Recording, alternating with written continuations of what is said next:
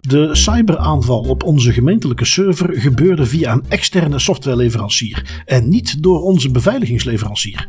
Samen met eventuele experts doen we er alles aan om te onderzoeken. Ik zei, hè, wat? Uh, jouw beveiligingsleverancier? Dacht je eerst dat hij het lekker had gedaan? Geweldig. Vanzelfsprekend zou ik eigenlijk durven zeggen. Hè. Dat, is ja. logisch. Dat, die moeten dat een tegenhouden. Hallo en welkom bij Das Privé, jouw wekelijkse privacy podcast. Iedere aflevering praten we hierbij over het reilen en zeilen in de wereld van privacy. Digitale spionage, boetes, datalekken, nieuwe technologie, privacy tools, oftewel alles wat er in de week gebeurt in privacyland. Ik ben Bart van Buitenen en samen met privacy professor Tim van Haren hebben wij het privacy nieuws van deze week gecureerd en eruit gehaald wat er echt toe doet. Deze week staan we nog even stil bij het datalek van het moment. Namelijk bij uh, de NEBU, het bureau wat de onderzoekssoftware levert. ChatGPT is het nieuwe TikTok. Daar mogen we dan wel over praten, Tim. Uh, Tesla heeft niets geleerd van eerdere privacy debakels. En dat is de schuld van Elon, van wie anders. Meta probeert een andere illegale reden te vinden om data te bemachtigen. Kortom, wij hoeven ons niet te vervelen. En dat betekent jij, beste luisteraars, ook niet. Um, Tim, we vliegen erin. Heb jij NEBU een beetje opgevolgd? Ja, dat is uh, heel moeilijk om dat eigenlijk niet op te volgen, want elke keer als je bijvoorbeeld op LinkedIn komt of je bent iets aan het opzoeken in de Nederlandse pers, dan zie je die naam en Blue, zie je dat eigenlijk heel vaak verschijnen. Tot, tot vervelens toe misschien zelfs. Ja, iemand had de voor de hand liggende titel gepakt, uh, Nebu loopt blauwtje op in de rechtbank. Ja. Um, omdat natuurlijk Blauw is het onderzoeksbureau wat heel veel klanten heeft, die dus onrechtstreeks in die eh, software zitten. Um, ik neem als update, want we hebben het er al uh, over gehad. Maar wat ik nog wel leuk vond, ik zag dus nu voorbij komen. Ondertussen hebben 139 organisaties melding gedaan bij de autoriteit persoonsgegevens. Dus ja, dit is, uh, dat is gigantisch. Hè? De, dat onderzoeksbureau is mhm. heel groot, maar uh, Nebu gaat nu echt heel hard met de billetjes bloot. Uh, ik zie ze voortaan al komen bij de volgende ronde van aanbesteding bij overheid. Een security vragenlijstje. hoe gaan jullie om met incidenten? Hebben jullie afgelopen tijd veel incidenten gehad? Ja, ik ben benieuwd, want je ziet dat wel eens gebeuren. Hè? Dat een datalek op een gegeven moment zo uitbreidt dat de naam zo besmet is dat die gewoon kunnen inpakken. En ja, ik sluit het niet uit. Al is het oorspronkelijk geloof ik een Canadees bedrijf. Dus misschien dat dan eventjes gewoon de Nederlands-Belgische activiteiten gaan zijn. Maar in ieder geval, uh, dit gaat pijn doen, denk ik. Ja, ja het, is, het is niet het eerste en het zal ook niet het laatste datalek zijn waar we inderdaad zien dat de, de naam echt door het slijk wordt gehaald, ook door de media. Want ik vind het altijd interessant, sommige datalekken blijven heel hard onder de radar en andere kan niet per se, per se bedenken waarom. Die krijgen dan plotseling veel media-aandacht en die uh, beginnen eigenlijk te sneeuwballen en het gaat bijna nergens anders meer over, behalve dan over dit. Ja, het zijn een aantal factoren. Ten eerste natuurlijk de, de klanten van Blauw, de onderzoeksbureau die die software gebruikt. Ja, dat zijn gewoon ontzettend grote namen. Uh, Nederlandse ja. spoorwegen zat er tussen, Ahol dacht ik ook. Uh, dan weet je al meteen, dat is natuurlijk clickbait voor iedere journalist. Dus, uh, en, en ja, niets menselijks is hen vreemd. Als zij een artikel kunnen maken waar veel mensen op klikken, dat is ook voor hen interessant. En dan, ik denk dat dat vaak heel erg bepaalt. Is dit clickable als we over een datalek moeten hebben? En en dat is toch echt een kleine takeaway voor iedereen die luistert. Voor zover je dat nog niet al zou weten, want aan onze kant weten we dat meestal wel. Maar die communicatie over een datalek. Of, en ik wil niet zeggen dat het echt een goede keuze is, maar of je houdt gewoon je mond dicht en doe dan maar helemaal niks. Of je communiceert open en transparant. En met je mond dicht bedoel ik totdat je echt weet wat er precies in de hand is. Of je communiceert heel transparant. Maar uh, eerst twee weken onderdrukken en dan met slechte informatie komen en dan geen informatie willen vrijgeven. Terwijl iedereen die heel eventjes met de GDPR bezig is, meteen weet dat een verwerker de plicht heeft om daarover te informeren. Ja, dan, dan weet je gewoon, dan, eh, dan ga je. Uh, flink te kijken gesteld worden in, in alle media. En dat is hier ook gebeurd. Dus wat dat betreft uh, weinig verrassend. En, en goed, we zullen zien wat daar uh, ook voor gevolgen voor dat bedrijf vooral, daar ben ik benieuwd naar, uh, uitkomt. Een ander bedrijfje in het oog van de storm. Toch zeker als het gaat om ja, risico's voor privacy en waar men zich toch nu wat druk om maakt, is ChatGPT. Um, je had hem meegenomen, Tim, als updateje. Want kennelijk staan er nu meer landen klaar om dat te gaan verbieden. Ja, het, lijkt een beetje de nieuwe TikTok te worden. Hè? Er zijn een heleboel uh, entiteiten en, en onder andere ook autoriteiten die zich daar nu over aan het buigen zijn en zich aan het afvragen zijn. Um, in het voorbeeld van de Italiaanse garante moeten we eigenlijk deze tool niet gaan verbieden. De manier hoe dat die tool met persoonsgegevens omgaat, um, kan dat wel. En dus nu heb je naast Italië, waar het effectief al verboden is, daar is het, daar is het op DNS-niveau uitgezet. Die tool is onbereikbaar, tenzij je natuurlijk zo slim bent om gebruik te maken van een VPN. Um, is die tool tijdelijk ja, niet meer beschikbaar in Italië. Dat gaat nu ook onderzocht worden door de Franse, de Duitse en de Ierse toezichthouders, um, of dat zij gelijkaardige acties gaan moeten ondernemen. En een van de zaken, want eh, dat is iets wat zij nu ook doen, wat dat ook voor ons interessant is, is de garant heeft die beslissing gemaakt om de toegang tot ChatGPT tijdelijk te verbieden. Um, zodat zij een onderzoek verder kunnen stellen en ook ChatGPT bepaalde verwijzingen kan aanpassen. Maar de, de, de redenering erachter, hè, de, mindset en de, de, dingen die zij geanalyseerd hebben, die zijn voor een groot deel nog redelijk vaag gebleven. En daar vragen die autoriteiten nu ook meer uitleg over. Uh, van kijk, garantie, what's going on? Waarom hebben jullie dit zo met, met zo'n spoedprocedure eigenlijk um, um, uitgezet, bij wijze van spreken? Dus dat gaat interessant zijn om te zien. Een van de dingen dat wel naar buiten is gekomen, waar de andere autoriteiten zich ook over buigen, dat voor hun een, een bezorgdheid is, is wel... Het is zo dat alles wat jij in, van input meegeeft, de prompts, de dingen die jij zegt als instructie dat ChatGPT moet uitvoeren, um, ja, dat kan natuurlijk potentieel gelezen worden door OpenAI, het bedrijf achter ChatGPT. Uh, en het zou zo zijn dat er dus bepaalde mate van informering onvoldoende is, dat de mensen daar niet van op de hoogte zijn en dat dus op die manier persoonsgegevens verwerkt worden door OpenAI op een manier die eigenlijk niet door de beugel kan. Nee, nee, het is uh, als, als vooruitloper op mijn privacy pointer. Het is iets waar Samsung nu ook tegenaan is gelopen. Dat uh, medewerkers van Samsung die hebben bedrijfskritische informatie in ChatGPT gegooid. om ja. er dan eventjes iets van te laten maken. ja, wat natuurlijk potentieel zeer, zeer gevaarlijk is. Um, neemt niet weg dat voor mij het verbannen van ChatGPT, het, het verbieden zoals dat nu in Italië is gebeurd, dat is zwaar overdreven. Daar, daar, daar zie ik echt het net niet van in dat je ze vraagt hoe gaan jullie om met die gegevens. Uh, zorg is dat je dat op een andere manier doet. Of gewoon ja, iets dat je duidelijk wilt maken, hey, uh, let even op. Um, het enige wat ik me kan voorstellen, want ook de Italiaanse autoriteit geeft nog aan dat ze eigenlijk nog gewoon meer moeten onderzoeken. En die, die dingen die gewoon een punt hebben willen maken. En, en dat signaal op zich is, is wellicht niet slecht. Maar ik vind het zwaar overdreven. Ik... Um, ja, oké, als daar persoonsgegevens ingestopt worden, uh, dan worden die onjuist verwerkt. Dan heb je de, de, de dingen die de GDPR verwacht dat je op punt hebt. Als je gegevens gaat verwerken, die kloppen dan niet. Dus daar moet iets mee gebeuren. Maar uh, op die manier, en dat vind ik dan ook weer daar, daar speelt men iets te hard in op media-aandacht. Um, dan wil ik ze dat ook zien doen voor al die andere duizend klachten die ze hebben liggen van bedrijven die dingen doen met de gegevens die niet mogen. Uh, ja, verbied dat dan ook maar. Um, en dat doen ze natuurlijk niet. Dus er zit voor mij iets te veel, iets te veel uh, hype achter. Waar dus ook die autoriteiten Um, ik ga niet zo ver om te zeggen dat die eh, media geil zijn en dat die het leuk vinden als ze nu aandacht krijgen. Ik denk echt dat die denken dat ze met de beste bedoelingen hier een signaal moesten geven. Maar ik zie Skynet nog niet komen. Ik heb ook echt niet de indruk dat hier nu hele databases met medische gegevens, ChatGPT in worden gestuurd. Dus ik weet niet of het risico wel in verhouding staat tot de maatregelen die ze nu nemen. Nee, en, en verder breind op dat. Hè. Het is een, ik denk inderdaad ook niet dat de garantie hier uh, gewoon de spotlight achterna gaat en dat ze, dat ze het daarom doen. Ik denk dat ze vooral, en dat is puur natuurlijk een, een persoonlijke mening, maar ik, ik zie en ik lees hier vooral in dat de garante um, het nodig vond om op de remmen te gaan staan. Omdat ze dit keer, het deze keer wel kunnen doen. Ze zitten eigenlijk ja, bij, de beginfase van een technologie die echt begint te sneeuwballen, die echt beter en beter en interessanter en populairder wordt en die heel veel media-aandacht krijgt en die overal en ergens en, overal gebruikt wordt. En ik denk dat de garante hier zoiets had van, oké, hier kunnen we ze misschien wel nog voor zijn en eventjes op de remmen gaan staan en een aantal vragen gaan stellen voordat het uit de hand loopt en we te laat zijn. Dat is een manier om het aan te pakken natuurlijk. Um, vorige podcast had ik het ook al gezegd, hè, maar de ICO neemt het bijvoorbeeld anders aan. Zij zijn meer begeleidend. Zij hebben guidelines uitgeschreven waarin dat ze zeggen van kijk, als je met artificiële intelligentie aan de slag gaat, volg dan deze dingen, volg dan deze aandachtspunten, let hier zeker vooral op. Dat is een andere manier van werken. Um, ik vind het interessant het is inderdaad zo wat je zegt, Bart. Waarom hier wel en dan bij anderen niet? Maar ja, dat, dat argument, dat, dat kan je dan overal gaan gebruiken. Ik denk dat het op zich niet slecht is dat ze hier eventjes op de rem gaan staan. Alleen moeten ze wel meer informatie bieden. De manier waarop ze het nu doen, is te vaag. Ja, en waar ik bang voor ben, is dat dit nu toegaat. Want nu, nu zag je ook zo'n open brief die gepubliceerd is van allerlei uh, bobo's uit de techwereld. Die zeggen: ja, we moeten echt even op de rem gaan staan. En uh, noem mij maar een cynicus. Maar wat ik daar vooral in zie, is dat zij nu eventjes met die open brief dan zeggen: ja, we moeten het echt eventjes allemaal afzetten en stopzetten.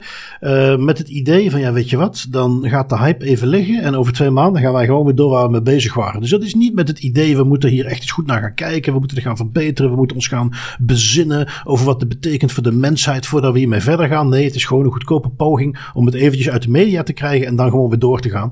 En daarom denk ik ook dat het, het gaan verbieden van dit soort dingen is gewoon niet de oplossing. Je moet nu net hierover in conclaaf gaan en, en want uiteindelijk, los van alle andere implicaties rond ChatGPT, want het is als technologie en als evolutie, is het echt wel iets moois en, en dat gaat ons nog heel veel opbrengen. Maar puur even naar de privacyrisico's gekeken, vind ik dit allemaal niet zo schokkend. Uh, zolang we maar gewoon zorgen dat je een goede basis hebt om, als daar toch gegevens in komen, dat dat mag. Dat we allemaal besnappen dat zelfs de prompts die mensen ingeven, dat dat ook al persoonsgegevens zijn. Omdat de dingen die ik bevraag, dat zegt ook al iets over mij. En dat daar dus op de goede manier mee omgegaan wordt. En dat ChatGPT misschien zelfs wat beveiligingen inbouwt. Dat als ze toch van iemand een set met persoonsgegevens krijgen, dat ze die gewoon meteen droppen dat soort dingen. Maar uh, ik moet toegeven dat uh, ik bijvoorbeeld uh, social media bedrijven een veel grotere bedreiging vind dan ChatGPT op dit moment. Volledig mee akkoord. en daar wordt dan veel te weinig aan gedaan. Daar gaan we het straks nog over hebben. Maar dat is dan weer al zo een, een titanische entiteit die ja, ongenaakbaar blijkt en waar eigenlijk niet zo heel ja, veel aan, aan kan. Ja, en, en, en tegelijkertijd zie je dat dus bij, bij ook andere grote techbedrijven uh, waar uh, je bij ChatGPT nog niet. Dat is niet gedreven door data. Dat is niet iets waar een slechte cultuur heerst over hoe ze omgaan met data. Nee, neem dan Tesla, uh, die ik heb meegenomen. we hadden de vorige keer namen we ze mee als het ging over hun Sentry Mode. Dus het, het dingetje wat ervoor zorgt dat je die auto op afstand een soort bewakingscamera kunt maken. Uh, daar hebben ze nu wijzigingen aangebracht. Um, dan denk je van, goh, zouden ze misschien toch de goede weg op gegaan zijn? En dan komen er nu deze week berichten naar buiten die aantonen dat de, de cultuur binnen het bedrijf, ze hebben nu wat window dressing gedaan door die, die Sentry mode aan te passen. Maar die cultuur zit daar helemaal verkeerd. Um, kennelijk, dat is dus wat er nu naar buiten is gekomen. Uh, je hebt uiteraard een team wat bezig is om die autopilot te, te verbeteren zoals bij al die eh, AI-dingen, vergeten we nog wel eens dat daar nog hele teams met mensen achter zitten die dingen moeten labelen, ja, dingen moeten verbeteren en trainen. Uh, want dat is ook heel vaak nog uh, menselijke capaciteit achter. En je hebt dus een team die allerlei beelden van Tesla moet bekijken om die autopilot te verdedigen. En wat blijkt nu? Ex-medewerkers zijn naar buiten gekomen. Wellicht de mensen die toen ze er nog zaten net zo goed meededen, maar hala, ze zijn ermee naar buiten gekomen. Dat regelmatig dat soort beelden in interne WhatsApp-groepjes en op kantoor gedeeld worden. Um, dan moet je denken aan, ze geven wat voorbeeldjes. Uh, een naakte man die naar een Tesla liep, waar dan beeldjes van rondgestuurd werden. Botsingen, agressieve verkeersdeelnemers die ze uitwisselen. Uh, lingerie die bij een ladende Tesla werd opgehangen. Of, en dan gaan we al naar het meer duistere, uh, een kind op een fiets dat door een Tesla werd aangereden. Wat ze dan kennelijk ook heel lollig vonden om dat onder elkaar te gaan verspreiden. Um, ja, privacy technisch natuurlijk uh, meteen een issue. Um, als je dan luistert naar de verklaring, proberen ze dat, ja, lijkt het wel wat uit te leggen. Van ja, maar ja, je moet weten, op die afdeling werken vooral jonge mensen van rond de 20, 30 jaar oud.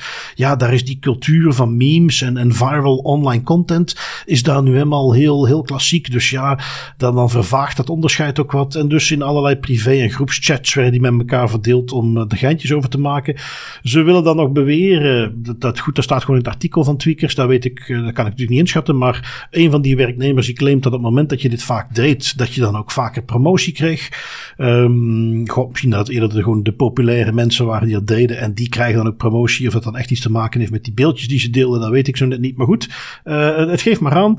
De hele cultuur zit daar dus wel echt verkeerd. Um, je merkt dat ook door de repliek die ze nog geven van ja, maar de beelden zoals we die vrijgeven, die worden, uh, het identificatienummer van de auto wordt daar niet aan gekoppeld, dat halen we eraf. Dus ja, de eigenaar kan daar niet zomaar achterhaald worden.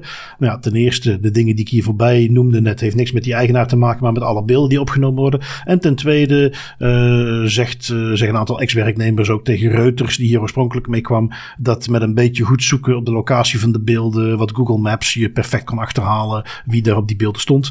Dus ja, al met al uh, scoort Tesla hier geen punten. En als ik dit voorbij zie komen, dan verwacht ik dat dit zeker nog niet het laatste privacy issue bij Tesla is. Want opnieuw, die cultuur, daar zit duidelijk een issue.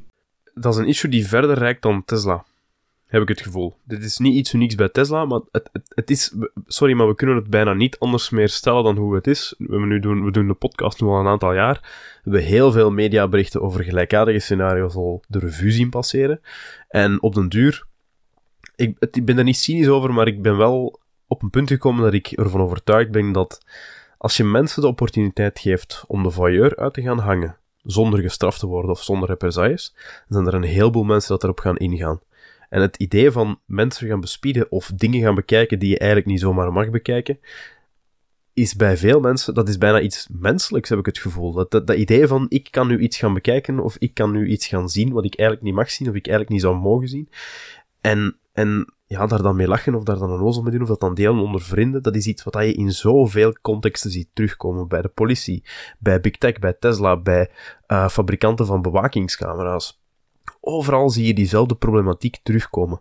En dat ligt in mijn ogen ook aan de basis van ideeën en concepten zoals uh, ja, rekening houden met, met de insider threat, met de manier hoe mensen omgaan met data. Want dat is, een, dat is een argument dat dan vaak wordt aangehaald. Is ja, maar we vertrouwen onze werknemers terug, toch? Ja, absoluut kun je werknemers vertrouwen. Wat zijn mensen? En mensen maken fouten. En mensen gaan dingen bekijken die ze eigenlijk niet zouden mogen bekijken. Dat, dat, het, het is bijna niet anders dan menselijk. En dat is iets waar rekening mee moet worden gehouden als men met zo'n data omgaat. Dat er de juiste controles op worden toegepast, zodat je dat soort gedrag eigenlijk de kiem insmoort. En dat je dat eigenlijk niet als cultuur gaat ondersteunen, zoals dat nu bij Tesla en bij heel veel andere bedrijven het geval lijkt te zijn. Het is precies dat. Op het moment dat uh, vanaf het die mensen in dat team zitten en die gaan dat soort beelden bekijken, als die uh, geregeld en als dat iets is dat door het management duidelijk wordt uitgedragen. Uh, niet alleen, dus als die van begin af aan een training krijgen van let op, de beelden die jij gaat zien, die bekijk je, je doet ermee wat er moet gebeuren en je vergeet die. Daar ga je voor de rest niks mee doen, die ga je niet doorsturen. Het interesseert me niet wat je erop ziet en hoe hilarisch je het vindt, dat hou je voor jezelf. Um, als dat dan iets is, en daar zit denk ik ook het grote verschil, wie weet dat dit al wel gebeurt daar, maar als je dan vervolgens een manager hebt die zelf eens een keer zoiets doorstuurt. Of die dat introduceert van, joh, ga even een half uurtje zitten, bekijk dat videootje. Eigenlijk totaal niet belangrijk, maar goed, dat moet nu even gebeuren. Uh, dat is cultuur het moment dat dat zeker top-down, dat is niet te onderschatten hoe belangrijk dat is. Als daar, en, en, en dan, dan zie je al een Elon Musk die op Twitter bezig is. Die de historiek van oud-medewerkers van Twitter die ontslagen zijn op eigen houtje gaat opzoeken. Om ze daarmee op Twitter te confronteren over of ze wel of niet hard gewerkt hebben. Dat is cultuur. Dat is hoe je kweekt dat binnen een bedrijf mensen denken van ja, wacht even, als Elon het kan, ja, dan mogen wij toch ook wel eventjes een lolletje hebben. En dat, is, dat begint ook een beetje een stokpaardje te worden van mijzelf. Um, naast natuurlijk de meer harde GDPR compliance die je binnen een bedrijf als DPO probeert toe te passen, um, is iets waar je denk ik volgens mij het meeste mee bereikt, is om langzaamaan ook een cultuur op te bouwen rond privacy. En om helder te maken dat dat belangrijk is, om bij het management duidelijk te krijgen waarom dat, dat belangrijk is en als je dat erin krijgt en daar continu aandacht voor vraagt en daar op de goede manier natuurlijk mee bezig bent, dan komt dat er uh, op een gegeven moment standaard in. En dan hoef je mensen ook niet meer x aantal keer per jaar een training voor te schotelen. Dan, dan zit dat er gewoon in. Maar dat is iets, dat, is ook, dat krijg je niet in een maandje goed. Dat is een, een traject van jaren wat je dan ingaat om wat recht te trekken. Um, en natuurlijk, zolang dat, dat binnen het bedrijf geen prioriteit is, gaat het nooit gebeuren. En daar kan ik niet anders dan zeggen dat dat, dat iets is wat uh, bij Amerikaanse bedrijven nog veel meer speelt dan bij uh, Europese bedrijven. Um, makkelijkste voorbeeldje daarbij is uh, de volgende die we denk ik gewoon even meenemen. Want uh, wat dat betreft kan Meta er ook wel wat van, hè? Ja, ja Meta is weer goed bezig. Um, een tijdje terug hadden we het nog zo dat Meta een boete had gekregen van 390 miljoen euro voor een aantal overtredingen. De grootste onder die overtredingen was namelijk het feit dat zij jarenlang gebruik hebben gemaakt van um, de rechtsgrond het uitvoeren van een contract om bepaalde persoonsgegevens te gaan verwerken voor adverteerdoeleinden. Daar is dan uh, uiteraard, hoe kan het ook anders, van de kanten van None of Your Business en Max Scherms een klacht over gekomen. Um, die klacht is behandeld door de Ierse autoriteit. Redelijk traag, heeft heel lang geduurd. En de Ierse autoriteit heeft dan met heel veel tegenzin eigenlijk Facebook, uh, Meta moet ik zeggen, het blijft een ding, hebben ze eigenlijk verplicht om af te stappen van die rechtsgrond contractuele overeenkomst uitvoeren en om een nieuwe rechtsgrond te gaan zoeken en die boete te betalen. Nu, um, ja, die boete is uitgegeven, Meta is gaan zoeken naar een nieuwe rechtsgrond en waar komen ze nu op uit? Ze komen uit op het legitiem belang. In de, in de GDPR-wetgeving heb je zes rechtsgronden. Voor adverteerdoeleinden zijn die niet alle zes even interessant. Je hebt toestemming, dat is eigenlijk de meest gebruikelijke tegenwoordig. Um, contractuele verplichting werd dus uitgeprobeerd door Meta is niet goed gekomen. En wat doen ze nu? Ze gebruiken een van de andere zes, namelijk het legitiem belang. Dat is een beetje een soort carte blanche die je krijgt, waarin als je dat goed kunt argumenteren en je kan dat goed onderbouwen, dat een bepaalde verwerking van persoonsgegevens um, ja, noodzakelijk is om een legitiem belang van een bedrijf te behartigen, dan mag je dat doen. Je moet dat natuurlijk toetsen, je moet een belangenafweging maken, je mag dat niet zomaar doen, want anders zou iedereen de rechtsgrond gaan gebruiken. En dat is ook niet de bedoeling. Maar dus, dat is wel, je kunt dat wel doen als je de juiste afweging maakt. Nu, in het geval van meta en advertentiedoeleinden, dat is iets waar een aantal autoriteiten al zijn opgesprongen, dat legitiem belang in 90% van de gevallen eigenlijk niet de juiste rechtsgrond is om, gebruik, om van gebruik van te maken als je persoonsgegevens gaat gebruiken om te gaan tracken, om te gaan adverteren. Dat, dat wordt heel, heel weinig gebruikt en dat wordt eigenlijk ook niet toegestaan. Dus dat Meta dat nu eigenlijk doet, gebruik maken van dat legitiem belang als rechtsgrond om hun contractuele overeenkomst rechtsgrond te gaan vervangen, ik zie dat, om het heel cru te zeggen, eigenlijk een klein beetje als een dikke middelvinger naar de Ierse autoriteit en naar Europa om te zeggen van kijk jongens, hier gaan we weer voor een vijf of zes jaar, kom maar af, we zetten er weer leger advocaten op en we gaan tot het einde, tot het bittere einde weer gaan wegprocederen, tot als we dan verplicht worden om iets nieuws te doen. En tegen dan zien we wel hoe ver dat we zijn. En dat is mijn punt dus, als jij uh, ChatGPT meteen zo'n verbod oplegt, waarom dan hier Meta niet? Want inderdaad, het is precies wat je zegt. Dit is nu gewoon. Uh, Meta weet perfect dat ze hier niet mee wegkomen. Uh, TikTok heeft voor hetzelfde al een boete gekregen. Uh, het hele IAB cookie pop-up verhaal in België, waar de GBA een uitspraak heeft gedaan, is precies hetzelfde verhaal. Het is iets. En als ik daar zeker met, met advocaten, ehm, als ik dat poneer, ontstaat er een, een vriendschappelijke discussie. Die vinden dat niet. Maar mijn stelregel is heel simpel. Voor gepersonaliseerd voor personalisering, profilering, rechtvaardig belang kan niet. Punt. Toch zeker niet, laat ik het goed zeggen, in een advertentiecontext. Uh, heb jij een product waarbij het hele product nu net is dat jij iets op maat maakt van iemand en dat is transparant en iemand tekent daarop in, dat is iets anders. Maar dat is niet het geval bij Facebook. Um, je tekent niet in op gepersonaliseerde reclame, je tekent dit op een social media account. Um, dat is het hele eiereten hier. Dat gaat dus nooit werken en het is dus een, het is super cynisch dat Meta dat doelbewust gewoon zo doorzet, want zij weten wij gaan nog even een paar jaar poen scheppen. Want zo lang duurt dat proces. Cost of doing business. Wij gaan dit gewoon een beetje omschakelen. We blijven gewoon lekker doorgaan. Um, ze hebben natuurlijk ook de manier om die opt-out te doen. Want die heb je als het op gerechtvaardigd belang is. Dan kun je bezwaar aanmaken. Die hebben ze zo moeilijk mogelijk gemaakt. Op een manier dat niemand dat gaat doen. Tenzij je daar een beetje bij geholpen wordt. En uh, ja, dat is uh, zo cynisch zijn ze bij Meta nu eenmaal. Ja, en dat is goed dat je dat aanhaalt, want daar wou ik dus nog even op inspringen. Hè. Dat is een, een belangrijk aspect van dat legitiem belang, is inderdaad dat je bezwaar kan aantekenen. Dat je kan zeggen van, kijk, jij als bedrijf hebt een legitiem belang, maar ik als betrokkenen heb ook mijn rechten en vrijheden. En ik teken bezwaar aan tegen die verwerking van persoonsgegevens. Dat moet kunnen. Dat moet ook relatief gemakkelijk kunnen. Dat moet, dat moet eenvoudig zijn om dat te kunnen doen als gemiddelde leek, om het maar zo te zeggen. Voor ons is dat relatief gemakkelijk om zo'n bezwaar te gaan aantekenen, maar dat moet eigenlijk door iedereen kunnen gedaan worden.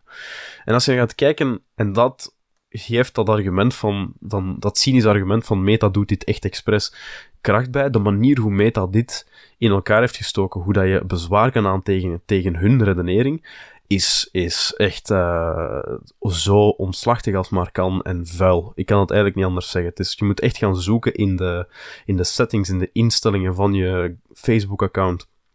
Heel diep ergens in een of ander data protection hoekje staat dan een manier, een soort verborgen vorm dat je kan gaan invullen waarin jij moet argumenteren als individu waarom dat het legitiem belang van Meta eigenlijk niet van toepassing is op deze activiteiten. En het ergste van al nog is, Meta is helemaal niet transparant over uh, de argumenten die ze aanhalen, de analyses die ze hebben uitgevoerd om dat legitiem belang te laten toepassen op hun bedrijfsactiviteiten en hun advertenties. Dus jij moet eigenlijk als individu iets gaan weerleggen waar je geen informatie en geen context over hebt, wat dat een onbegonnen zaak is. Zelfs voor mensen die er dagelijks mee bezig zijn. Dat is, ik vind, dit is echt schandalig. En uh, goed, wil je dan een makkelijkere manier vinden om daar iets tegen te doen? Blijf dan even hangen voor onze privacy pointer. Yep. Um, ik ga door met eentje die in december zag ik die alles voorbij komen. Um, maar uh, ja, we hebben hem ook niet in de podcast meegenomen. En nu werd hij weer eens gedeeld. Uh, jij had hem opgepikt. Dat ging over de gemeente Rotterdam. Die als jij een aanvraag wil doen voor een warmtetoeslag. Uh, ja, wat gegevens van je wilt weten. Wat, wat willen ze zo wel weten? Wel, wat ze onder andere willen weten is of jij lijdt aan HIV, of dat je menstruatieproblemen hebt, uh, of dat jij frequente bloedingen hebt. Allee, allemaal dingen die vrij normaal zijn om eigenlijk gewoon lekker in een warm huis te kunnen zitten. Hè? Ja, niet dus. Um, wat hier eigenlijk het verhaal was, wel, het is een, het is een huisarts, een Nederlandse huisarts, denk ik, Michel van Tonger, uh, Tongerlo die daarmee naar buiten komt en die eigenlijk zegt van kijk jongens, ik trek hier aan de alarmbel, want dit kan absoluut niet. Die krijgt van de gemeente Rotterdam um, brieven, aangetekende brieven, waarop simpelweg staat van we hebben hier een, een persoon die een warmtetoeslag aanvraagt. Een warmtetoeslag um, is voor zover dat ik kan volgen eigenlijk een, een, iets wat dan mensen kunnen krijgen als ze hun huis niet kunnen verwarmen, als ze niet genoeg, niet genoeg uh, middelen hebben, financiële middelen om hun huis te kunnen verwarmen. En dan krijgen ze eigenlijk steun om toch de, de verwarming te kunnen betalen, om eigenlijk in een warm huis te kunnen leven. En dan om dat eigenlijk te kunnen krijgen, om die financiële steun te kunnen krijgen, gaat de gemeente Rotterdam um, op een soort heksenjacht. Dat is de beste manier hoe ik het kan omschrijven. En gaan ze dus aan de artsen van de mensen die dat gaan vragen, gaan ze eigenlijk eisen van, kijk, wij willen eigenlijk het hele medische dossier van die patiënt um, zonder enige vorm van pseudonymisering, zonder enige vorm van anonimisering, of, of gewoon, wij willen alles weten van die persoon stuur ons dat alsjeblieft op. Dat is eigenlijk de vraag die hier gesteld wordt. En dan was er inderdaad een voorbeeld waarin onder andere werd gesteld van ja, het is iemand die leidt aan uh, of die al te maken heeft gehad met HIV, die menstruatieproblemen heeft, en dan dat die huisarts ook terecht zegt van, kijk, dat kan echt niet de bedoeling zijn dat ik dit soort informatie ga meegeven aan de laten we, laten we ter illustratie eventjes uh, voorlezen uit de brief die ze krijgen. Uh, dus dit is een brief waar ze dus aan, wat de gemeente al naar de huisarts stuurt. ik heb begrepen dat ze bekend is met HIV, thalassemie, laag HB, buikoperaties en incontinentie voor urine. Ze vertelt dat ze Tena Ladies moet gebruiken tegen de urine, maar ook vanwege veel bloedverlies tijdens menstruatie. Dus voor de duidelijkheid, dat is informatie die de gemeente al heeft gekregen, omdat iemand een aanvraag deed voor die warmtetoeslag. Dus dat is al waanzinnig als je er even over nadenkt. Dat je dat soort informatie moet geven. Let op, dit zijn mensen in de bijstand, zoals dan heet in Nederland. Dus uh, leefloon, zoals ze het in België noemen. Uh, dus die, die, die hebben eigenlijk geen keuze. Je wilt die toeslag hebben, dus die geven al idioot veel informatie. En dan gaat die vervolgens nog eens bij de huisarts aanvragen van... Goh, die incontinentie en de HIV-problemen, kun je daar toch nog eens wat over zeggen? Welke medicatie gebruikt ze? Uh, is er misschien verbetering mogelijk in de toekomst van die incontinentie, incontinentieklachten? Want ja, dan moeten die warmte toeslag natuurlijk wel acuut weer afpakken. Het is ziekelijk. Ja, ziekelijk en mensonterend. Um, om, en wat je dan eigenlijk krijgt als je dat allemaal stelde nog maar in een scenario waarin die huisarts dat zou, dat zou weggeven, die informatie, en dus eigenlijk ook het medisch beroepsgeheim schendt, wat krijg je dan in de plaats? Ja, een 500-tal euro om je huis te kunnen verwarmen. Dat, dat kan echt niet de bedoeling zijn. Nee, dus uh, nou ja, uh, mocht iemand weet hebben van dat soort activiteiten in België, laat ons zeker even weten. Wij zijn zeker ja. niet rouwig om zoiets aan de kaak te stellen. Um, gaan we even door met nog een ander verhaaltje uit Nederland. Um, de NS, de Nederlandse Spoorwegen, tegenhanger van de NMBS bij ons uiteraard.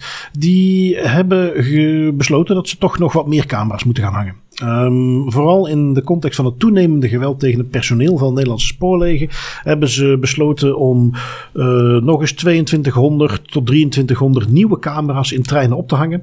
Wat zou betekenen dat uh, waar nu 64% van de treinen een camera heeft, dat men verwacht dat het dus tegen eind 2023 70, 74% is. Tim, wat denk jij daarvan? Weinig verrassend misschien, maar ik vind dat niet het meest fantastische idee. Is misschien nog licht uitgedrukt. Ik, opnieuw zie hier niet echt uh, in hoe dat, dat eigenlijk mensen gaat helpen. Er gaan camera's hangen. De incidenten die, voor, die zich voordoen, ja, die gaan worden opgenomen door camera's. En dan wat? Dan, dan hebben we daar beelden van. Net zoals met ANPR-camera's, net zoals met veiligingscamera's in andere contexten. Ik denk dat er betere manieren zijn om je middelen te spenderen als organisatie om ervoor te zorgen dat je incidenten gaat vermijden dan het ophangen van camera's. Ja, ja ik zit hier nog iets meer te twijfelen, omdat ik wel heel erg vaak zie terugkomen in het nieuws dat uh, bestuurders in een bus ook, maar dus ook uh, conducteurs uh, op een trein, dat die worden aangevallen. Um, dus waar wij het heel vaak over hebben als men het heeft over plaatsen van camera's, waar wat je probeert te voorkomen helemaal niet meer in verhouding staat tot de inbreuk op de privacy zie ik hier nog iets meer nuance. Het is te zeggen, het, het is wel echt een, een, een probleem. Um, het enige waar ik wat mee blijf zitten, en, en dat is wat jij ook al aanhaalt, dit lost die geweldpleging niet op. Dit hopelijk zorgt ervoor dat die mensen makkelijker gevonden kunnen worden. Maar dat is natuurlijk een beetje symptoombestrijding. Wat je wilt is dat dit dat helemaal niet meer voorkomt. Wat jij wilt is dat je meer personeel hebt die dit soort dingen kunnen gaan voorkomen. Um, als ik dat erbij neem, dat dit dus eigenlijk een soort uh, uh, schaamblad is, waarbij men het resultaat probeert op te lossen, maar niet het uiteindelijk de oorzaak, namelijk dat er gewoon te veel overlast is, dat het heel vaak moet gebeuren dat een conducteur in zijn of natuurlijk vooral haar eentje op zo'n trein moet zitten en lastiggevallen wordt of, of, of aangepakt wordt. Dat moet je aanpakken. Maar ja, extra mensen, dat kost natuurlijk geld. Wel een cameraatje hangen, dat is relatief makkelijk. Um, ik, ik, wat ik ook heel graag zou willen weten, dat zou voor mij ook nog een, een, een verandering kunnen teweegbrengen in mijn mening. Hoe kijken de conducteurs hier zelf naar? Is het iets waarvan zij zeggen van nou, dit, dit verhoogt echt mijn veiligheidsgevoel. Ik, ik kan nu beter mijn werk doen. Um, ik, ik, om maar dus samen te vatten, ik ben niet helemaal tegen die camera's. Omdat ik het uh, ergens wel snap. Maar als ik verder ga denken van ja, maar dit lost het probleem eigenlijk niet op. En er zijn nog andere oplossingen waar men eerder eens naar zou moeten kijken. En waarbij ik dan vind het argument van ja, maar dat kost te veel geld. Mag dat nog wel tellen op dit soort niveau als we het over de veiligheid hebben van mensen?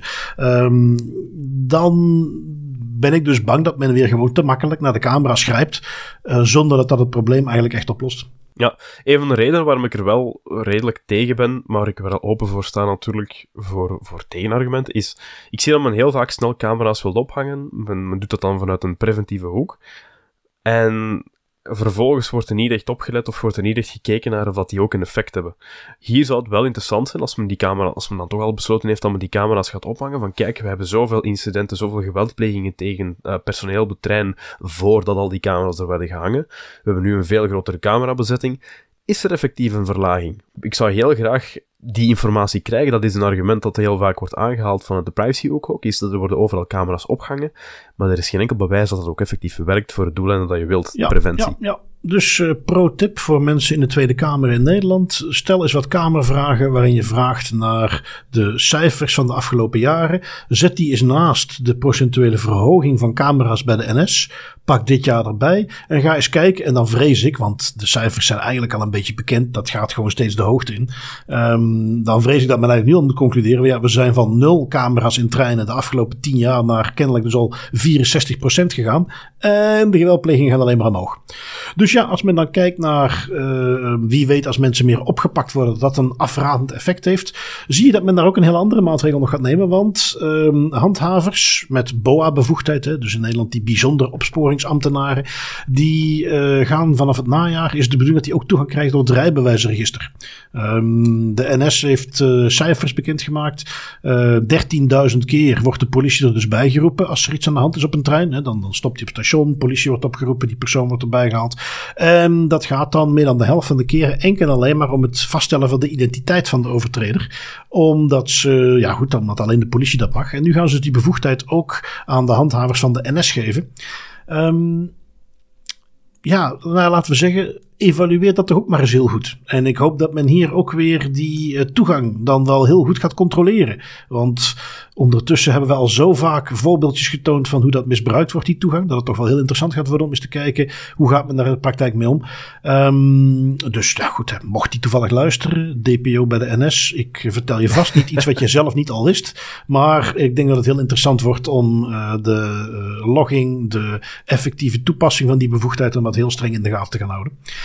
Um, we even zien, ja, nou ja, als we het dan toch hebben over uh, misbruik aan de hand van camera's, laten we even een uitstapje maken naar Iran, waar men ondertussen weer een nieuw idee heeft voor het gebruik van camera's in de publieke ruimte. En je mag eens één keer raden wat dat is. Ja, dat is natuurlijk om uh, vrouwen helaas te onderdrukken. Zo kan ik het alleen maar omschrijven. Um, ja, Iran heeft ervoor gekozen om uh, een aantal religieuze regels terug in werking te laten treden, om die ook heel hard te gaan handhaven. En uh, het nieuwste snufje dat men daarvoor wilt gebruiken is ja, de good old CCTV. Wat men er eigenlijk wilt gaan doen, of nu eigenlijk al aan het doen is, is um, ze hebben een systeem ontwikkeld waar ik zelf niet helemaal van snap hoe het werkt.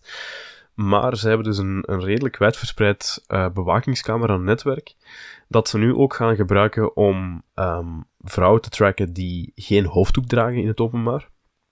En vervolgens, als die persoon, als die vrouw geen hoofddoek draagt in het openbaar, dan moeten ze via een bepaald systeem waar ik niet helemaal van snap hoe het werkt, dan krijgen die vrouwen eigenlijk een uh, sms-bericht met waarschuwingen um, dat zij hun hoofddoek moeten opzetten. Dus moet je dat voorstellen dat je op straat aan het rondlopen bent als vrouw, ergens in het openbaar, een camera pikt dat op dat jij geen hoofddoek op hebt, jij krijgt op je gsm een sms, hey, zet je hoofddoek op, anders volgen er sancties, of dan vlieg je de cel in. Ik mis ergens de link waar, dat, waar de koppeling wordt gemaakt tussen de persoon die aan het wandelen is en de gsm-nummer waar men een bericht naar moet versturen. Dat, ik, ik weet nog niet zo goed hoe dat, dat werkt, maar is er ja, weinig verrassend natuurlijk ook niet zo transparant over. Maar dat is, de, dat is de officiële aankondiging door de lokale politie daar die toen werd gezegd. Al verwacht ik dat dat niet heel ver te zoeken is. Ongetwijfeld, zoals hier, heb je identificatieplicht als je een simkaart krijgt.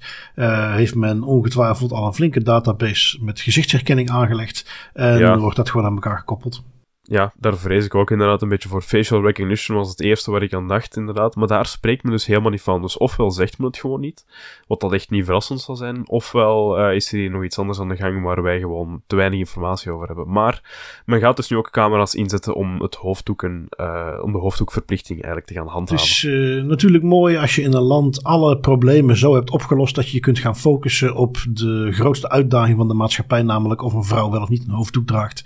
Dan ja. ben je al heel ver als land. Um, gaan we door naar biometrics. De goede oude vingerafdrukken, iris-scans. Um, bekend van hele gevoelige omgevingen zoals kerncentrales, uh, inlichtingendiensten. Maar binnenkort ook bij de bakker. Ja, ja, inderdaad. Uh, Panera Bread heeft aangekondigd, dat is een Amerikaanse keten van, van een soort bakkers, zou ik zeggen, en broodjeszaken. Uh, ze hebben aangekondigd dat zij biometrie gaan gebruiken voor het betalen van je broodje. Dus dan kan je daar gaan aanschuiven. Ze hebben specifiek gekozen voor een palmscanner. Dus je, kan, je moet eigenlijk de, de, je vlakke hand op een scanner leggen. Dan scant hij eigenlijk je palm en dan ziet hij van, ah, oké, dat is Tim van Haren, voilà, kijk eens aan. En dan kan je op die manier eigenlijk betalen. Het hele systeem uh, wordt ondersteund, en dat maakt het eigenlijk nog iets verontrustwekkender, wordt ondersteund door Amazon. Uh, Amazon One heet dat systeem is een uh, suite waaronder ook biometrie valt, uh, die al een tijd wordt gebruikt binnen, de eigen binnen het eigen Amazon-ecosysteem, uh, onder andere ook bij de, de, de Amazon-winkels, Amazon Go. Ze willen dat nu ook gaan ge, ja, eigenlijk op de markt gaan brengen als een, als een, als een dienst. Um, en Panera Bread is een van de eerste die dat eigenlijk gaat afnemen. Er zijn heel veel vragen over, heel veel kritiek over. Um, los van het feit dat natuurlijk Amazon het bedrijf is dat dit helemaal gaat, gaat ondersteunen en, en gaat bijhouden. Maar dat wil eigenlijk zeggen dat een commercieel bedrijf um, ja, biometrische data in handen krijgt, dat ook gaat gebruiken specifiek om te identificeren. Want uiteraard, ja, je, je moet je palm daarop leggen en dan moet hij een link maken met jou en met je betaalgegevens. Ik bedoel, het, het gaat redelijk ver. Ik zou willen kunnen zeggen, thank God for GDPR, maar weet je wat ik langzaamaan wel vol aankomen. Dit, dit gaat een keer overwaaien. Hè? Dit, dit gaat ook tot bij ons komen. Um, dit gaat ook op zo'n manier geponeerd worden dat het vooral gefocust wordt op alle voordelen die het van mensen heeft. En dat mensen daar ja, uh, wettelijk zie ik niet zozeer een belemmering als jij daar uh, effectief mensen de vrije toestemming vraagt om dat wel of niet te gaan gebruiken. Um, als jij het dan ook op die manier heel makkelijk maakt, omdat, en dat is misschien waar het een beetje de crux zit, van de een op de andere seconde moet je die toestemming ook weer in kunnen trekken. Um, maar technisch lijkt me dat ook mogelijk. Hè? Amazon kan gewoon een centraal portaal maken waar je heen kunt gaan. Je kunt een opzoeking doen. Um, en dan kun je gewoon zeggen, nou, ik wil het niet meer. Um, maar dan is dus een kwestie van tijd voordat dit overwaait. Uh, we hebben het de vorige keer ook al gehad over die festivals.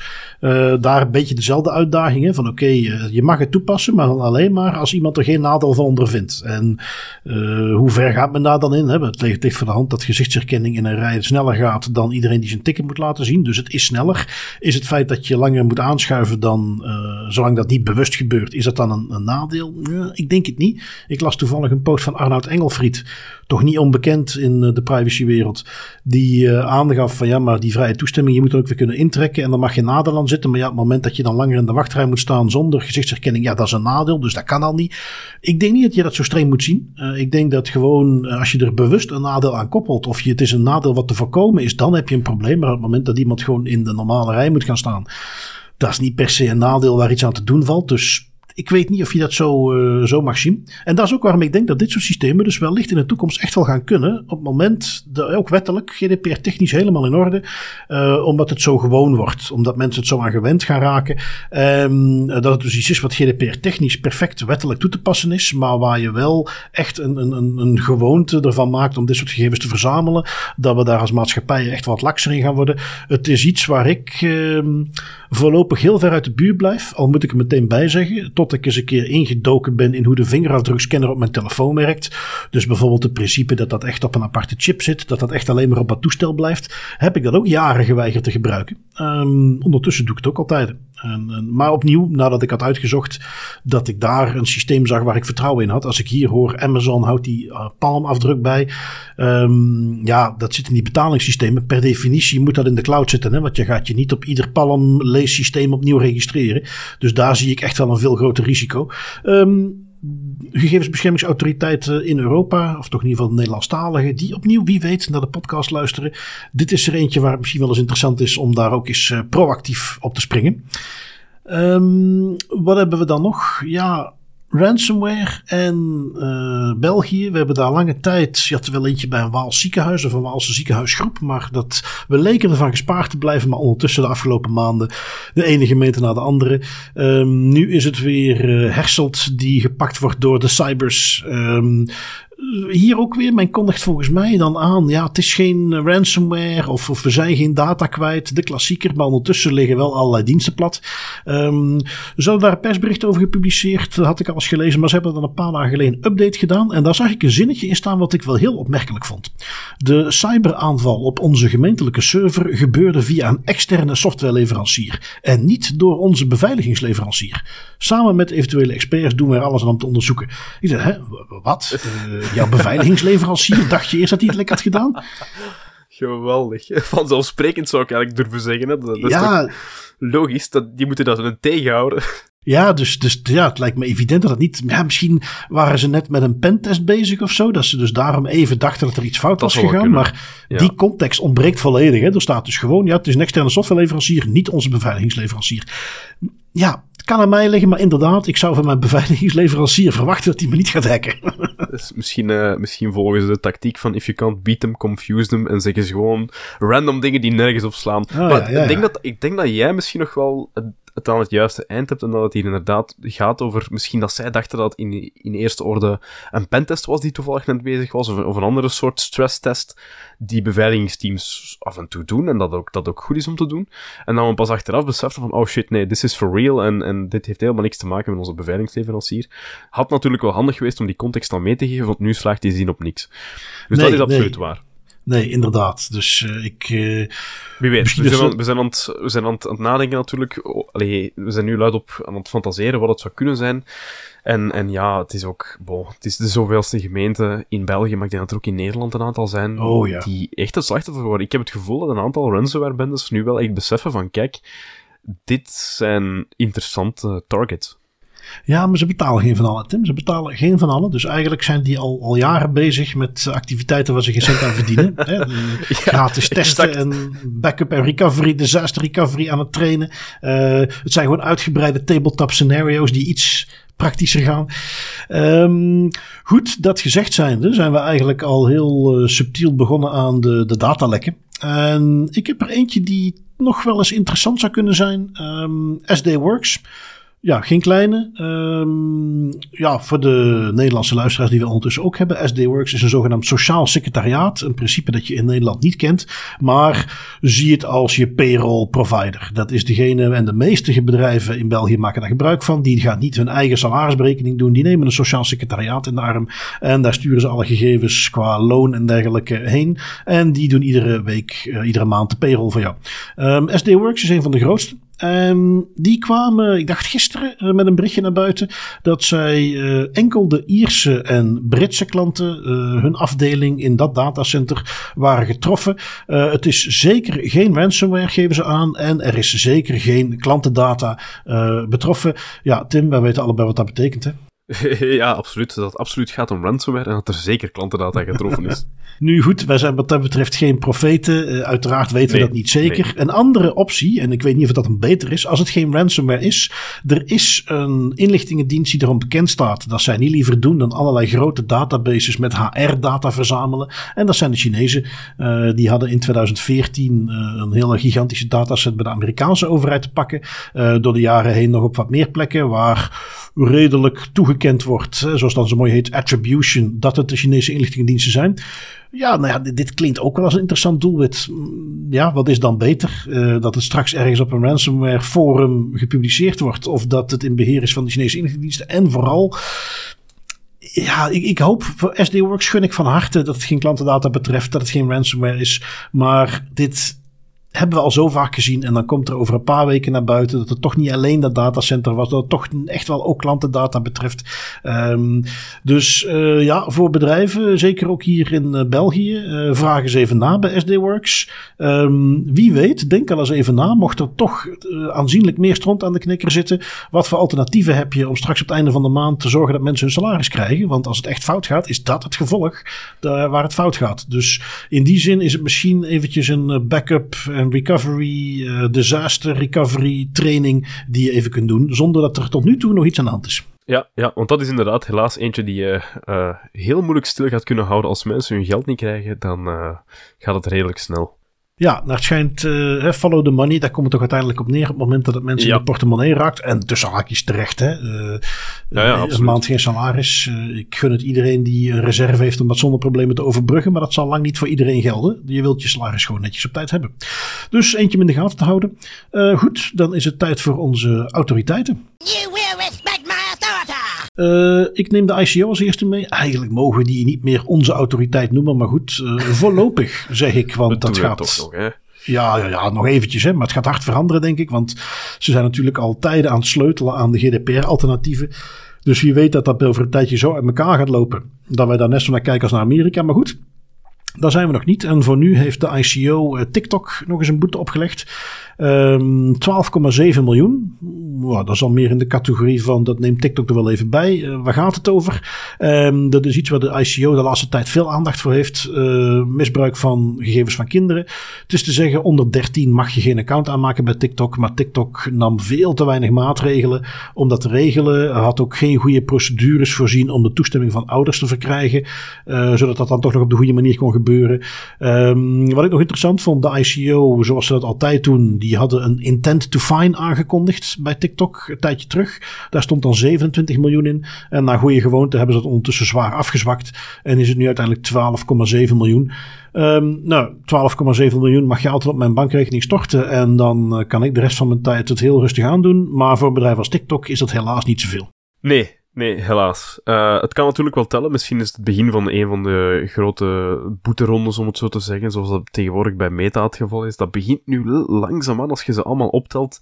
Zelfs bij Meta begint dat een klein beetje door te wegen. Hè. Dat is misschien dat dat nu bij TikTok ook het geval is. Zeker nu dat dat toch wel in het vizier ligt van een heleboel autoriteiten en landen. Uh, ride on the hype, dat men daar eigenlijk mee aan de slag gaat. Ja. Ja, inderdaad. Uh, het is ook iets wat natuurlijk redelijk makkelijk overgenomen kan worden door andere Europese autoriteiten. Want hou in gedachten, uh, de EDPB, daar zit de ICO nu niet meer tussen. Dus Europa kan nog steeds op eigen houtje beslissen om hierin mee te gaan. Dus uh, en ja, en wat dat betreft kunnen ze het wat mij betreft niet, niet vaak genoeg doen. Um, goed, dan hebben wij er nog eens een keer eentje uit Duitsland. Jij hebt de autoriteit van Bremen meegenomen die nog eens een keer een boete heeft opgelegd. Ja, beetje speciaal aan die Duitse autoriteiten, maar die publiceren eigenlijk zeer weinig tot nooit de echte cijfers van de boetes die ze uitgeven. Dus we weten gewoon dat het een boete is die in de five digits zit. Uh, ze hebben een boete gegeven aan een bedrijf die in het kader van een aantal ontslagen, ontslagrondes een sociaal plan had gepubliceerd voor alle medewerkers van dat bedrijf. Uh, waar dat onder andere uh, extra legale voordelen en dergelijke in zitten. En, en, manieren om opvang te voorzien voor, voor personen die in een, een of andere uh, penibele situatie zitten thuis. probleem was met dat sociaal plan was, dat was uh, een, een ja, ongecensureerd, open en bloot sociaal plan van alle werknemers van dat bedrijf, naam, toenaam, functie uh, en verdere context, waarin werd beschreven of dat die personen getrouwd waren, hoe oud dat ze waren, hoeveel kinderen dat ze nog hadden waar ze voor moesten zorgen, um, of dat er bepaalde uh, handicaps waren waar rekening mee moest worden gehouden. Dat ging vrij ver. Um, en dan zijn er natuurlijk terecht een aantal mensen die zeggen van jongens, uh, dit is niet de bedoeling, dit mag je niet zomaar in heel uw werknemersbestand vrij gaan publiceren. Het is mooi dat je sociale initiatieven wilt nemen. Het is niet zo mooi dat je vervolgens op basis van de keuzes die je maakt, die dat sociaal plan gaat, gaat publiceren voor het hele bedrijf. En dus hebben ze daarvoor een boete gekregen. En een van de, de aggravating factors, zoals dat dan heet, was inderdaad het feit dat daar een heleboel uh, bijzondere persoonsgegevens die onder artikel 9 vallen, dat die ook gepubliceerd werden, zoals of dat iemand een bepaalde handicap heeft of niet. Ja, dus uh, goed, niet mals. Um, laten we hopen dat in die context 5 digit niet gewoon 100.000 euro betekent. Maar dat, dat sorry, nee, eigenlijk 5 digit, dat is ja, 100.000 is al 6 hè. Dus uh, ja, ja, het is maximaal 99. Dus nee, niet zo, niet zo heftig. Dat kan beter, Duitsland. Um, even zien, uh, ook eentje die nu eens een keer een tegenvallertje heeft. De AIPD, een van hun eerste boetes was 5 miljoen. En die is nu afgeschoten bij een van de Spaanse hogere rechters. Die het vooral op een procedurefout laten doen. Um, het is een Spaans uitgebreid document. Ik heb er zeker niet in detail doorheen kunnen gaan. Maar het is wel een trend die ik wat meer zie. Die we in België bijvoorbeeld ook heel vaak tegenkomen. Dat beslissingen worden aangevochten bij Martenhof. Um, dat, het, dat daar dan niet uit blijkt van ja, wij vinden dat uh, de autoriteit een verkeerde beslissing heeft genomen. Maar vooral dat er bepaalde procedures niet goed in acht zijn genomen. Um, de boete is niet volgens die en die en die punten gemotiveerd. Of je had uh, het op deze manier de gesprekken aan moeten vangen. Of je had op. Er zijn vaak echt procedurefouten waar men dan over valt.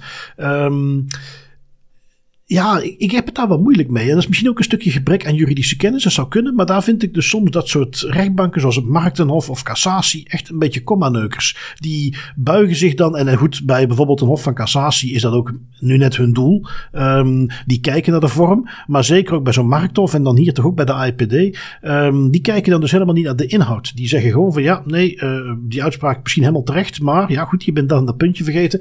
Um, ja, ik hing dan altijd op twee gedachten. Aan de ene kant, ja, we hebben die processen niet voor niks.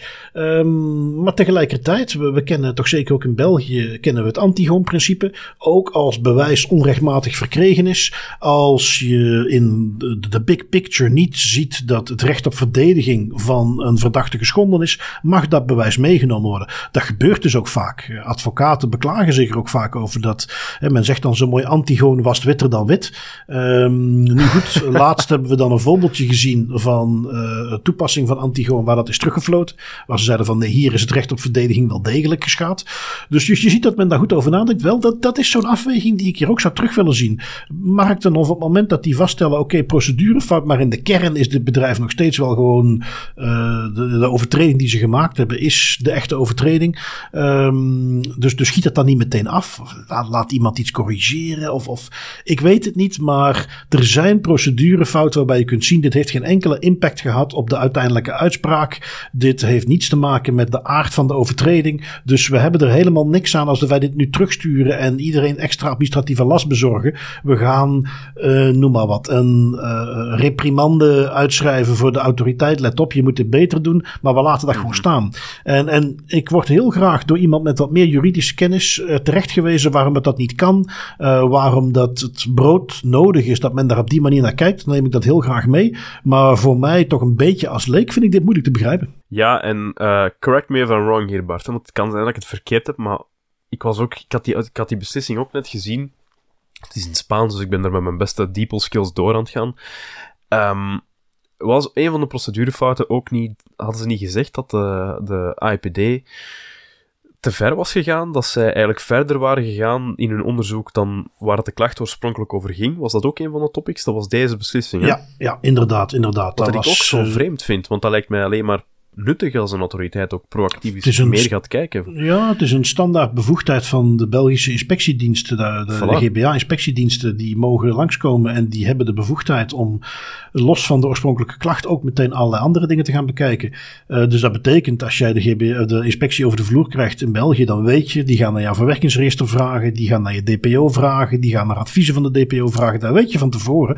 Dus je kunt het maar beter goed in orde hebben. En ik vind dat eigenlijk best sterk. Um, het zou maar wat vreemd zijn als zij langskomen. Ze hebben een klacht gekregen wegens recht op inzage is niet op orde. Maar terwijl dat ze rondlopen zien ze dat de DPO is de CEO. En dat er allerlei verwerkingen plaatsen die kunnen. En dat ze daar niks mee zouden mogen doen. Um, dus, Vreemd hè? Ja. wel, het is wel iets, zal ik er meteen bij zeggen, waar dus ook als ik daar met advocaten over spreek die die cliënten verdedigen, die dit dus ook een, een, een eh, doorn in het oog is dat de inspectiedienst dat doet ik heb er persoonlijk niet zo moeite mee. Nee, maar wij vinden het natuurlijk ook leuk als de wetgeving zo goed gehandhaafd wordt. Misschien dat er uh, advocaten zijn die hun cliënten verdedigen, die zoiets hebben van, kom aan, dit, ver, dit maakt onze job zoveel moeilijker en lastiger. Nou, dat kan ik ergens misschien ook wel snappen. Maar daar, daarom dat ik ook, want dit is iets wat ik denk ook uh, advocaten naar een paar van mijn uitspraken en luisteren en, en, en hoofdbonkend op hun bureau zitten. omdat zij zeggen, ja, maar onze hele rechtsorde is op gebaseerd dat dit soort procedures ja, goed nageleefd worden als een essentieel onderdeel. Um, en ja, ik ben daar zeker op zoek naar wat uh, nuance van, ja, maar is dat dan, moet je dan bij iedere scheet een zaak helemaal eruit gooien uh, of niet? Nu goed, dat is gewoon interessant. En ja, is iets waar je wel ziet dat autoriteiten daar echt nog wel stappen in te zetten hebben. Die, die worden nu geconfronteerd met uitspraken die ze mogen doen sinds vijf jaar. Ja, dat is in die context echt niet veel. Die sinds vijf jaar dat soort dingen mogen doen. En die dus rond procedurefouten inderdaad nog vaak dingen te leren hebben. Um, goed, gaan wij door naar onze privacy pointers. Uh, Tim, ik laat hem jou als eerste nemen. Ja, um, zoals jij al een klein beetje had geïntroduceerd toen we het hadden over Meta, die dan plotseling met die hele legitimate interest uh, bezig is en aan het spelen is. Wel, None of Your Business heeft een uh, Meta-out tool die ze aanbieden. Dat is een opt-out tool. Wat dat eigenlijk doet, is dat automatiseert dat hele omslachtige proces om uw um, om bezwaar aan te tekenen tegen het gerechtvaardigd belang van Meta. Uh, ik vind het een toffe tool. Ik heb hem ook eens uitgeprobeerd. Er zijn, drie manieren waar er zijn twee manieren waar je het kan doen. Ofwel kan je um, in de tool inloggen met je Facebook-account. En dan gaat de tool van, van of Your Business eigenlijk um, ja, een, een, een voorgegenereerde uh, opt-out message gaan genereren. Die dan via de tool, via de moet ik het zeggen, verborgen vorm van Facebook wordt doorgestuurd naar Meta. Of je kan het via e-mail doen. Als je zegt van ik, ik wil mijn Facebook login niet geven of ik wil gewoon eens kijken hoe dat, dat gegenereerd wordt, dan kan je het ook gewoon via e-mail doen. Heel handige tool. Uh, ik vind het ook gewoon cool dat None of Business zo'n dingen doet, want ja, ze maken voor mensen die echt zeggen ik wil die een opt-out nu toch wel eens gaan proberen, maken ze het leven een pak gemakkelijker. Nee, heel goed. En uh, ja, dat is waarom ik zo gek ben op Noip. Uh, je kunt ze overdreven vinden, maar ze proberen echt wel voor mensen dingen te doen die het ja, makkelijker maken. Ja, ja. Uh, mijn privacy pointer is redelijk kort, maar wel lekker actueel. Ik hinterde daar straks al eventjes op. Toen Samsung zijn probleempje heeft gehad, dat daar mensen dingen in ChatGPT hebben gestopt. Um, er is ook een beetje, misschien wel specifiek gericht op privacy professionals binnen organisaties. Ik denk dat het een heel goed moment is om eens even wat guidance te geven over wat mensen wel en niet in ChatGPT mogen stoppen. In de context van mensen die denken van, ah, maar dat kan toch geen kwaad, die doen er toch niks mee. Die misschien net eventjes over het dode punt heen geholpen worden qua privacy awareness, doordat ze daar nog eens heel specifiek op gewezen zijn. Um, laten we even voorkomen dat mensen gaan experimenteren met medische gegevens en eens kijken of ChatGPT met een diagnose kan komen. Um, we kunnen daar maar beter wat problemen mee voorkomen. Dus in je organisatie en misschien ook voor gewoon individuen zelf, let even op wat je erin stopt. Maar goed, ik dat voor de luisteraars hier uh, redelijk evident is. Maar zeker binnen organisaties. Dit is misschien een goed moment om eens even wat guidance rond te sturen. Een aanbeveling van let op. We kennen allemaal ChatGPT. Uh, speel er lekker mee. Maar gooi daar geen persoonsgegevens in. Behalve als het je eigen gegevens zijn. Want wij kunnen dat mhm. niet met onze klantendata doen. Dat lijkt me nog een heel nuttige. Um, daarmee sluit ik hem af, uh, Tim. Wij hebben er volgens mij weer een interessante show op zitten. Ik dank jou weer voor je tijd. Zoals altijd, met heel veel plezier. En tot volgende week. Tot volgende week.